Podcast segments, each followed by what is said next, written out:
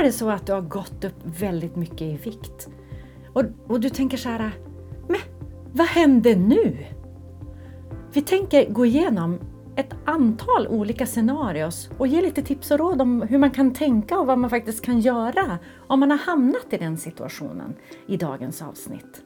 Camilla heter jag. Jag sitter med Alette som vanligt. Doktorn är Viktdoktorn, specialistläkare i allmänmedicin. Själv är jag kommunikatör och pedagog och vi driver Viktdoktorn för att hjälpa dig och alla andra som dig och alla andra som tittar eller lyssnar på vår podd att helt enkelt nå en mer hälsosam vikt. Mm. Mm. Idag så ska vi prata om lite scenarios som faktiskt orsakar eh, viktökning och då menar vi oönskad viktökning. Mm. Och jag tänker vi kan väl börja med den självklara, man föds med det. Ja, eller att det kommer väldigt tidigt i barndomen. Och det är väl få saker som är så härligt som en riktigt knubbig liten bebis som jollrar och är glad och nöjd och luktar helt magiskt. Jag hade en sån. Vi kallade henne för Knubbalubb. Väldigt söt var hon. Extra väck där man tänker att gud kan armen böjas där egentligen? Nej, men där var det ett väck ändå. Ja, sötisarna. Mm. Och väldigt många småbarn har ju en massa hull och det ska de ju ha. Men en del barn som växer upp, de behåller sitt lilla hull. Och när jag var 16 år då sa jag till min brorsa, jag stod framför spegeln och provade någonting, jag var inte nöjd. Och så klagade jag på mitt bebishull. Och så gick han förbi 14 år och sa Höhöhö, det är väl lite sent att ha bebishull. höhöhö." Så typiskt tonåringsaktigt bara. Nej, men jag säger någonting medan jag passerar. Ja. Schysst Mhm. Schysst, brorsan! ja. Vi, vi har ett väldigt kärleksfullt förhållande så vi hade det, jag var bara sur en liten stund. Så gick det över. Men jag föddes ju med, eh, jag var ganska knubbig som liten, barnmorskan kommenterade det. Vilket är faktiskt helt otroligt, för det här har vi ju pratat om tidigare. Du låg ju inte onormalt högt på något sätt. Nej, Vad var du, tre och ett halvt? tre och tre, Ja. 49 lång. Ja, Ja, alltså det är ju ingenting. nej. Men det där bebishullet det försvann ju inte utan jag blev ju en ganska storväxt eh, förskoleflicka. Lite längre än mina jämnåriga. Och det fortsatte jag vara och sen blev jag lite bredare och lite längre och när jag gick ifrån tonåring till vuxenlivet då var min fetma, min sjukdom fetma etablerat. Och jag tycker det är så spännande när man gör studier på tvillingar som adopteras. Mm. Och så tittar man på det här klassiska arv och miljö. Spelar någon roll vad de bor i för familj? Ja, det gör det. Ja. Spelar någon roll vad de har för gener? Absolut. Ja. För man kan adoptera ett barn som eh, kommer ifrån smala föräldrar och flytta dem till en familj av överviktiga och barnet fortsätter att vara smalt för att den har genetiska predispositionen att vara det. Eller tvärtom att man tar ett barn som kommer från en släkt med mycket energieffektiva gener, det vill säga fetmagener och flyttar det till en hälsosam, helt normalviktig familj. Barnet äter precis lika nyttig och hälsosam mat, lagom portioner som värdfamiljen, som adoptivfamiljen gör och går upp i vikt i alla fall. Och när man har sett på tvillingar så, så bekräftas ju det här att tvillingar de är snarlika varandra i kroppsform och eh, eh, framförallt enäggstvillingar är det. Men eh, du kan man ju säga nästan var med om den situationen när du bodde i en, en, eh, student, alltså en familj i England för att gå lite språkkurs. Och de hade ju inte alls samma matvanor som ni hade hemma. Nej, men det var en underbar familj. Men de skickar ju med oss små chipspåsar till skollunchen. Och, och du som har skrattat åt norska skollunchen, Ja, det är en smörgås! Vem blir mätt på en smörgås? Alltså inte jag. men då var det mjölk och så var det ett, ett, eh, ett paket med grovt bröd med pålägg. Här var det bröd som var ljust och så var det chips till det och så var det läsk. Så, och jag i alla fall lyckades med konststycket att gå upp 10 kilo på två månader som 14-åring och kom tillbaka och inga kläder passade.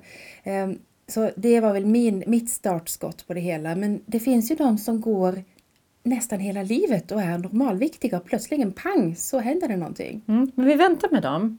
Jag tänker om vi går över till eh, när man blir sjuk så man blir sängliggande. Mm. För att det kan ju hända eh, av, av, av olika skäl. Man kan ju åka skidor och så bryter man båda benen för att man rasar in i en tall. Det har ju hänt en kompis till mig. Det var ju mindre roligt faktiskt. Aj, aj, så hemskt. Men han låg typ i en sån här vagga i Schweiz. Oj. Alltså det var en blickstilla i typ fyra månader. Nej men jag kommer inte riktigt ihåg, det här var ju rätt länge sedan. Men ändå. Precis, och då blir du ju inaktiv om det skulle hända. Du får inte göra det. Och du får åka med hjälm om du åker. Jag åker alltid med hjälm. Bra. Alltid. Men det som också händer när någon råkar ut för en olycka det är ju att vänner och släktingar kommer för att trösta. Och vad har Med de typ med sig? fika, Ja, godis. konfekt, lite god läsk, någonting annat som, som man kan stoppa i munnen. Och det vet ju alla att det kan trösta den som är ledsen eller har ont eller någonting. Eh, och jag känner faktiskt en person som var med om just det. Som liten så blev han sängliggande i flera månader. Alla tröstade honom med godsaker och han har aldrig lyckats återhämta sig från sin viktsjukdom Nej. som etablerades på grund av sjukdom när han var liten och blev inaktiv och fick en massa godsaker. Alltså en annan sjukdom. Ja, Ja, bara för tydlighetens skull. Ja. Eh, men så här kan det också vara att man är sjuk och så får man läkemedel som ska behandla sjukdomen. mm. Och så går man upp jättemycket på grund av läkemedlen. Ja. Kan du ge några ja exempel? visst är det spännande. Ja, spännande, lite så här Skrämmande. skrämmande snarare. Ja, alltså eh, läkarkårens första ledord är ju inte skada. Ändå så är det just skada som vi tyvärr omedvetet gör med, med medicinering ibland och med andra saker som läkare gör. Men då är det ju så att kanske den personen drabbas av en, en eh, ganska tuff depression och de vanliga läkemedlen för depression funkar inte. Man liksom får lägga på mer och mer och till slut så har man väldigt starka läkemedel som tyvärr också påverkar vikttermostaten uppåt. Och om det är grekiska för dig nu så menar jag alltså att du får en medicin som får din överlevnadshjärna att säga nej men du är nog fortfarande hungrig, se till att äta lite mer. Och den effekten kan vara så finstämd att du märker inte det själv. Utan att du ganska sakta äter upp dig. Ja, man, man tar lite mera mat eller man äter lite mer inför maten. Man, man ökar på sina portioner nästan omärkbart. Eh, eller att det rent blir en, en, eh, nästan att det blir en hetsätning av att medicinen gör dig så hungrig att du står och äter och tar tre ostmackor på raken. Mm. Och det är inte en hetsätning, jag vet, men man äter mer än vad man hade tänkt sig. Det finns ju andra typer av läkemedel också. Det är ju inte bara när man är deprimerad. Utan det kan vara inom, Smärta, ja, yes. Och det roliga här är ju att det är som Alvedon. Alltså när hon säger roligt så menar hon intressant. Alltså jag skyller allt på hennes norska bakgrund, bara så att ni fattar. Och, och roligt på norska betyder ju lugn. Eller hur? Ja, eh, men grejen är den att när du tänker dig Alvedon, det funkar mot värk, det vet alla. Men alla vet ju också att det funkar även mot feber. Mm. Och feber är ju inte en värksjukdom och vice versa. Eh, Så läkemedel som vi använder för depression kan också användas vid eh, svårare värksjukdom.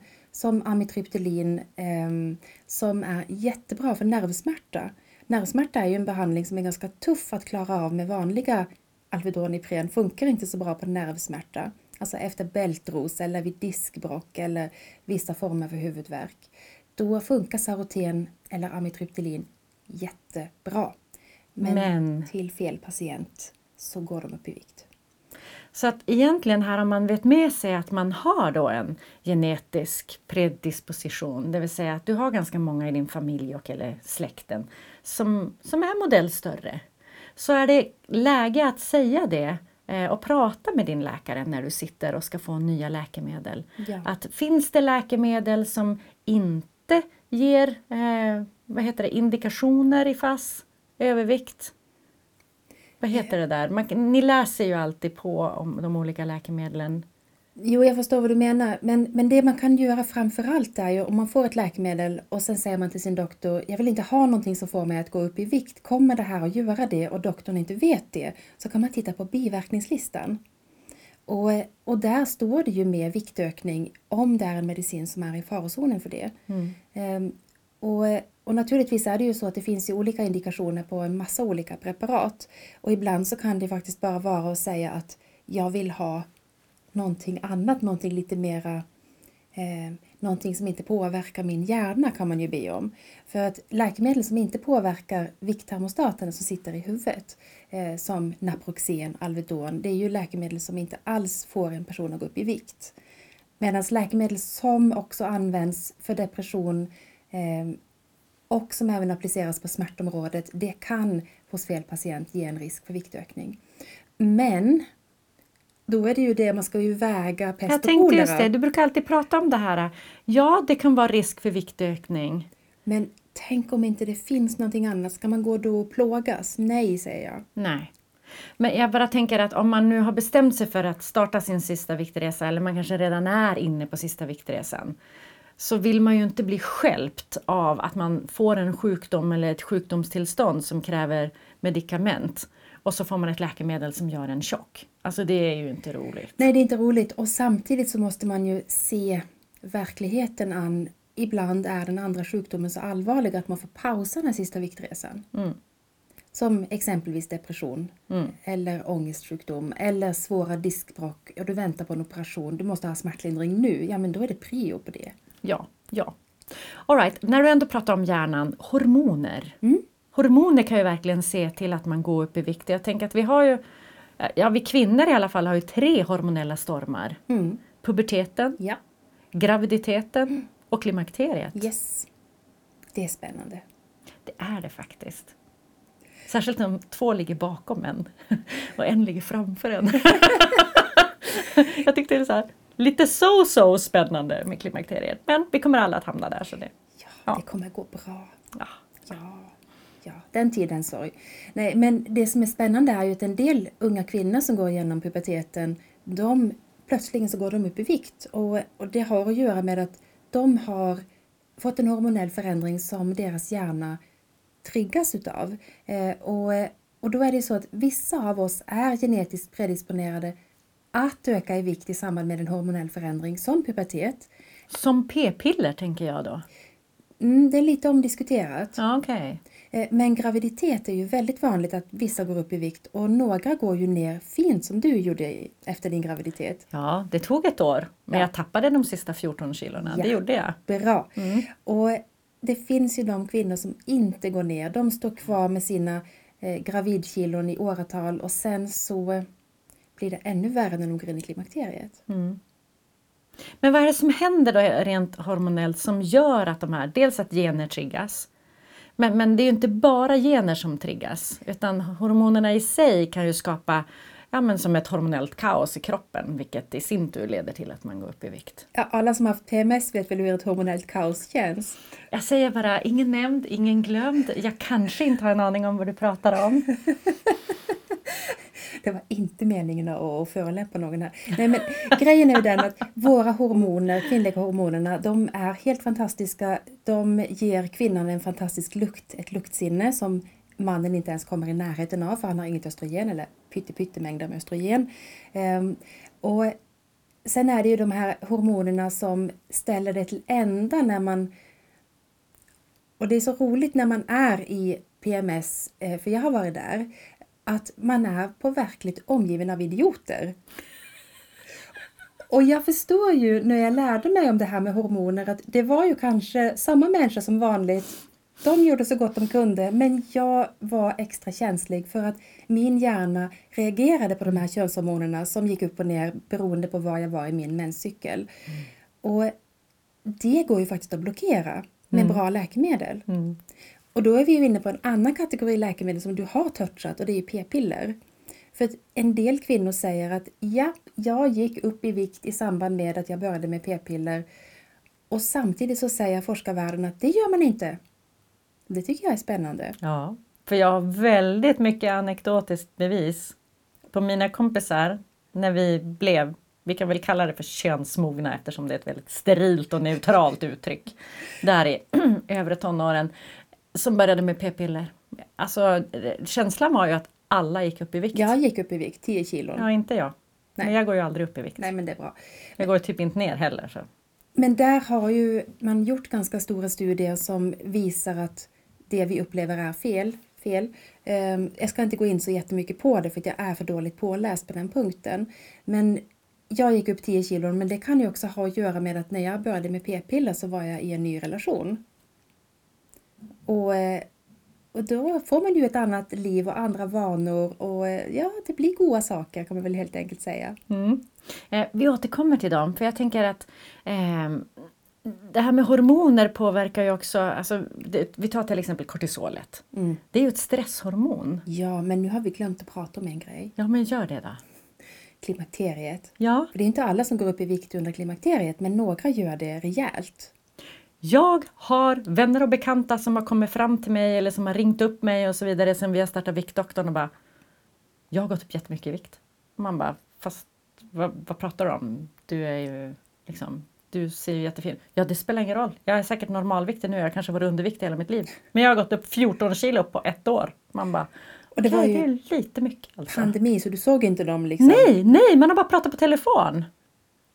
Och det här tycker jag är väldigt spännande för att den som går in i klimakteriet och är normalviktig har en lägre risk att öka kraftigt i vikt i samband med klimakteriet. Men den som går in i klimakteriet med övervikt ökar ju mer. Och underviktiga då?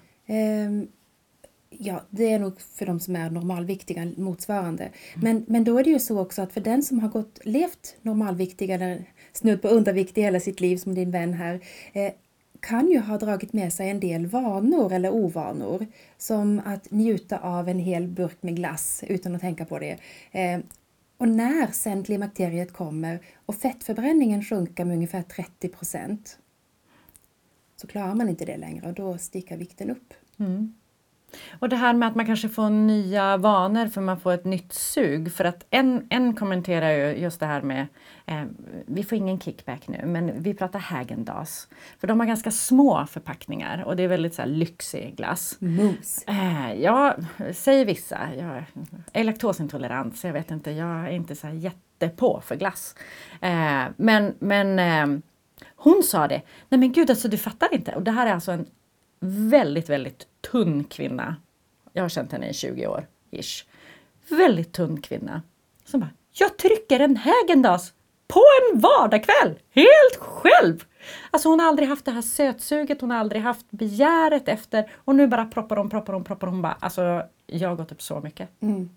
Och det är svårt att gå ner i klimakteriet. Och det är det våra patienter också berättar för mig. Eh, jag har försökt allt. Efter klimakteriet så är det tvärstopp. Det går inte att gå ner. Och sen går de ner när jag hjälper dem. Och det är helt underbart för de säger jag är så glad för att nu funkar det. Och tänk det var en som sa i veckan. Tänk det var inte kört. Det fanns ett sätt att göra det på. Det fanns ett sätt att prova en sista gång och så funkade det. Då blev jag glad. Jag förstår det. Jag förstår det. Men om vi då går över till faktiskt eh, kortisolet. Därför att alla pratar ju om stress hela tiden och jag är så stressad. Jag är stressad i småbarnsåren och jag kan bara säga, är du i småbarnsåren? Njut! Det går så sjukt fort! Alltså man tror att de där små kropparna ska vara små kroppar för evigt. Nej, de har vuxit om mig. De är stora. Jag får inte pussa och krama på dem längre. Det är inte lika kul. Det är inte synd om dig vännen. Nej, det är det absolut inte. Och det är inte synd om dig som har småbarn heller. Eh, men jag förstår om du är trött.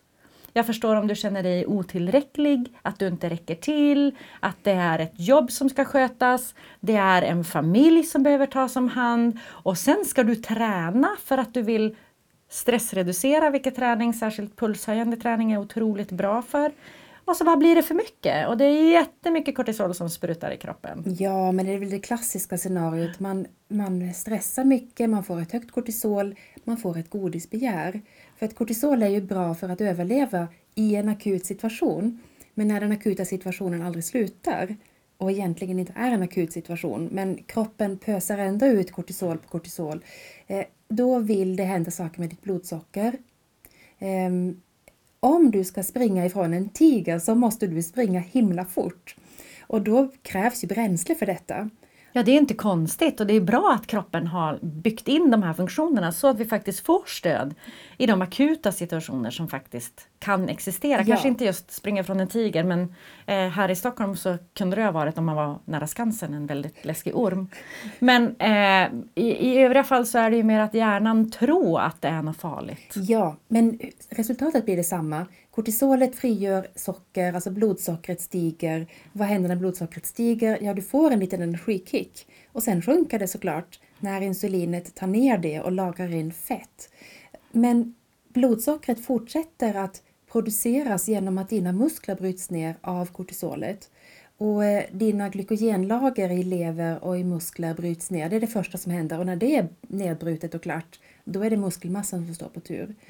Och det gör ju också sitt till att den stressade småbarnsmamman hamnar i soffan med en godispåse för då har blodsockret åkt berg och dalbana och sen på kvällen så orkar man inte mer och så vill man pigga upp sig och så tar man någonting sött. Och, och det är nästan lika som det här äh, jag har blivit sambo och jag är så kär och vi sitter och myser och äter god mat, äter ute på restaurang, äter snacks i soffan, vi har fredagsmys. Åh vad mysigt! Tar ett glas vin. Ja. Inte bara på fredag och lördag, men kanske även på onsdag. Mm. Och när flaskan har jag hört att det heter. och när flaskan hämtar öppen så kan det vara lika bra att passa på att ta det på en tisdag. Ja, alltså, vakuumproppar är det bästa uppfinningen till vinflaskor. Jag, är- jag, jag blir Jag hade lite... förväntat mig! Så min uppgift här i livet är att överraska mina nära och kära. Camilla, min man, han blir överraskad jämt. Mm. Och jag ser det som en ynnest att få överraska fastän vi har känt varandra så länge. Ja, ja.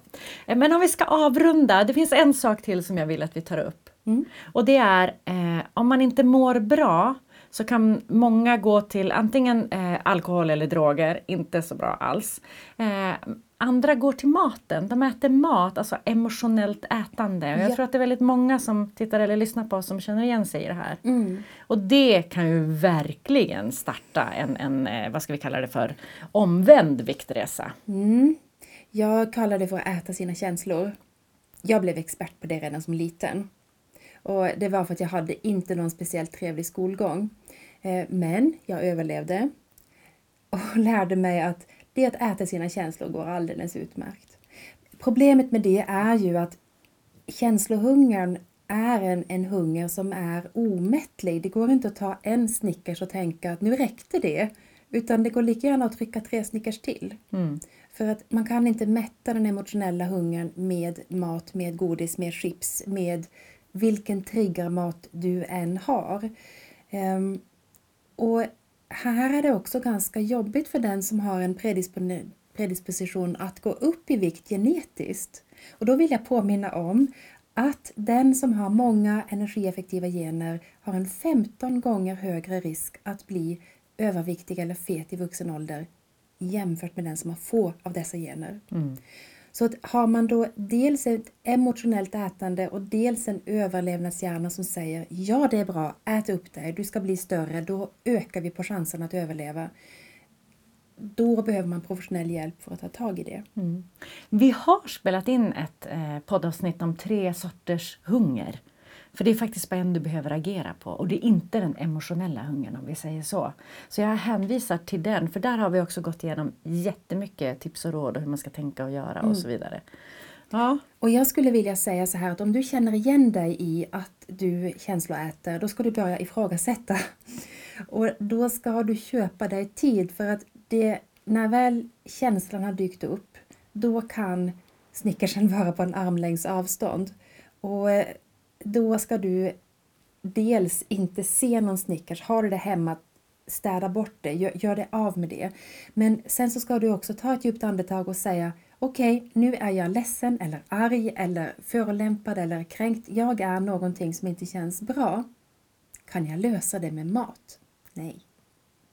För att om man köper sig lite tid så kan man också komma ifrån där det finns någonting att äta. Men om jag står i köket och känner att jag är på dåligt humör, ja men då är det ju jättelätt att äta någonting. ja vår psykolog Rebecca har ju sagt att 90 sekunder om du klarar av att hålla ut i 90 sekunder så kommer styrkan på den här signalen, jag måste äta, att gå ner. Och då pratar vi det emotionella ätandet. Och det är faktiskt eh, samma som när man har födslovärkar.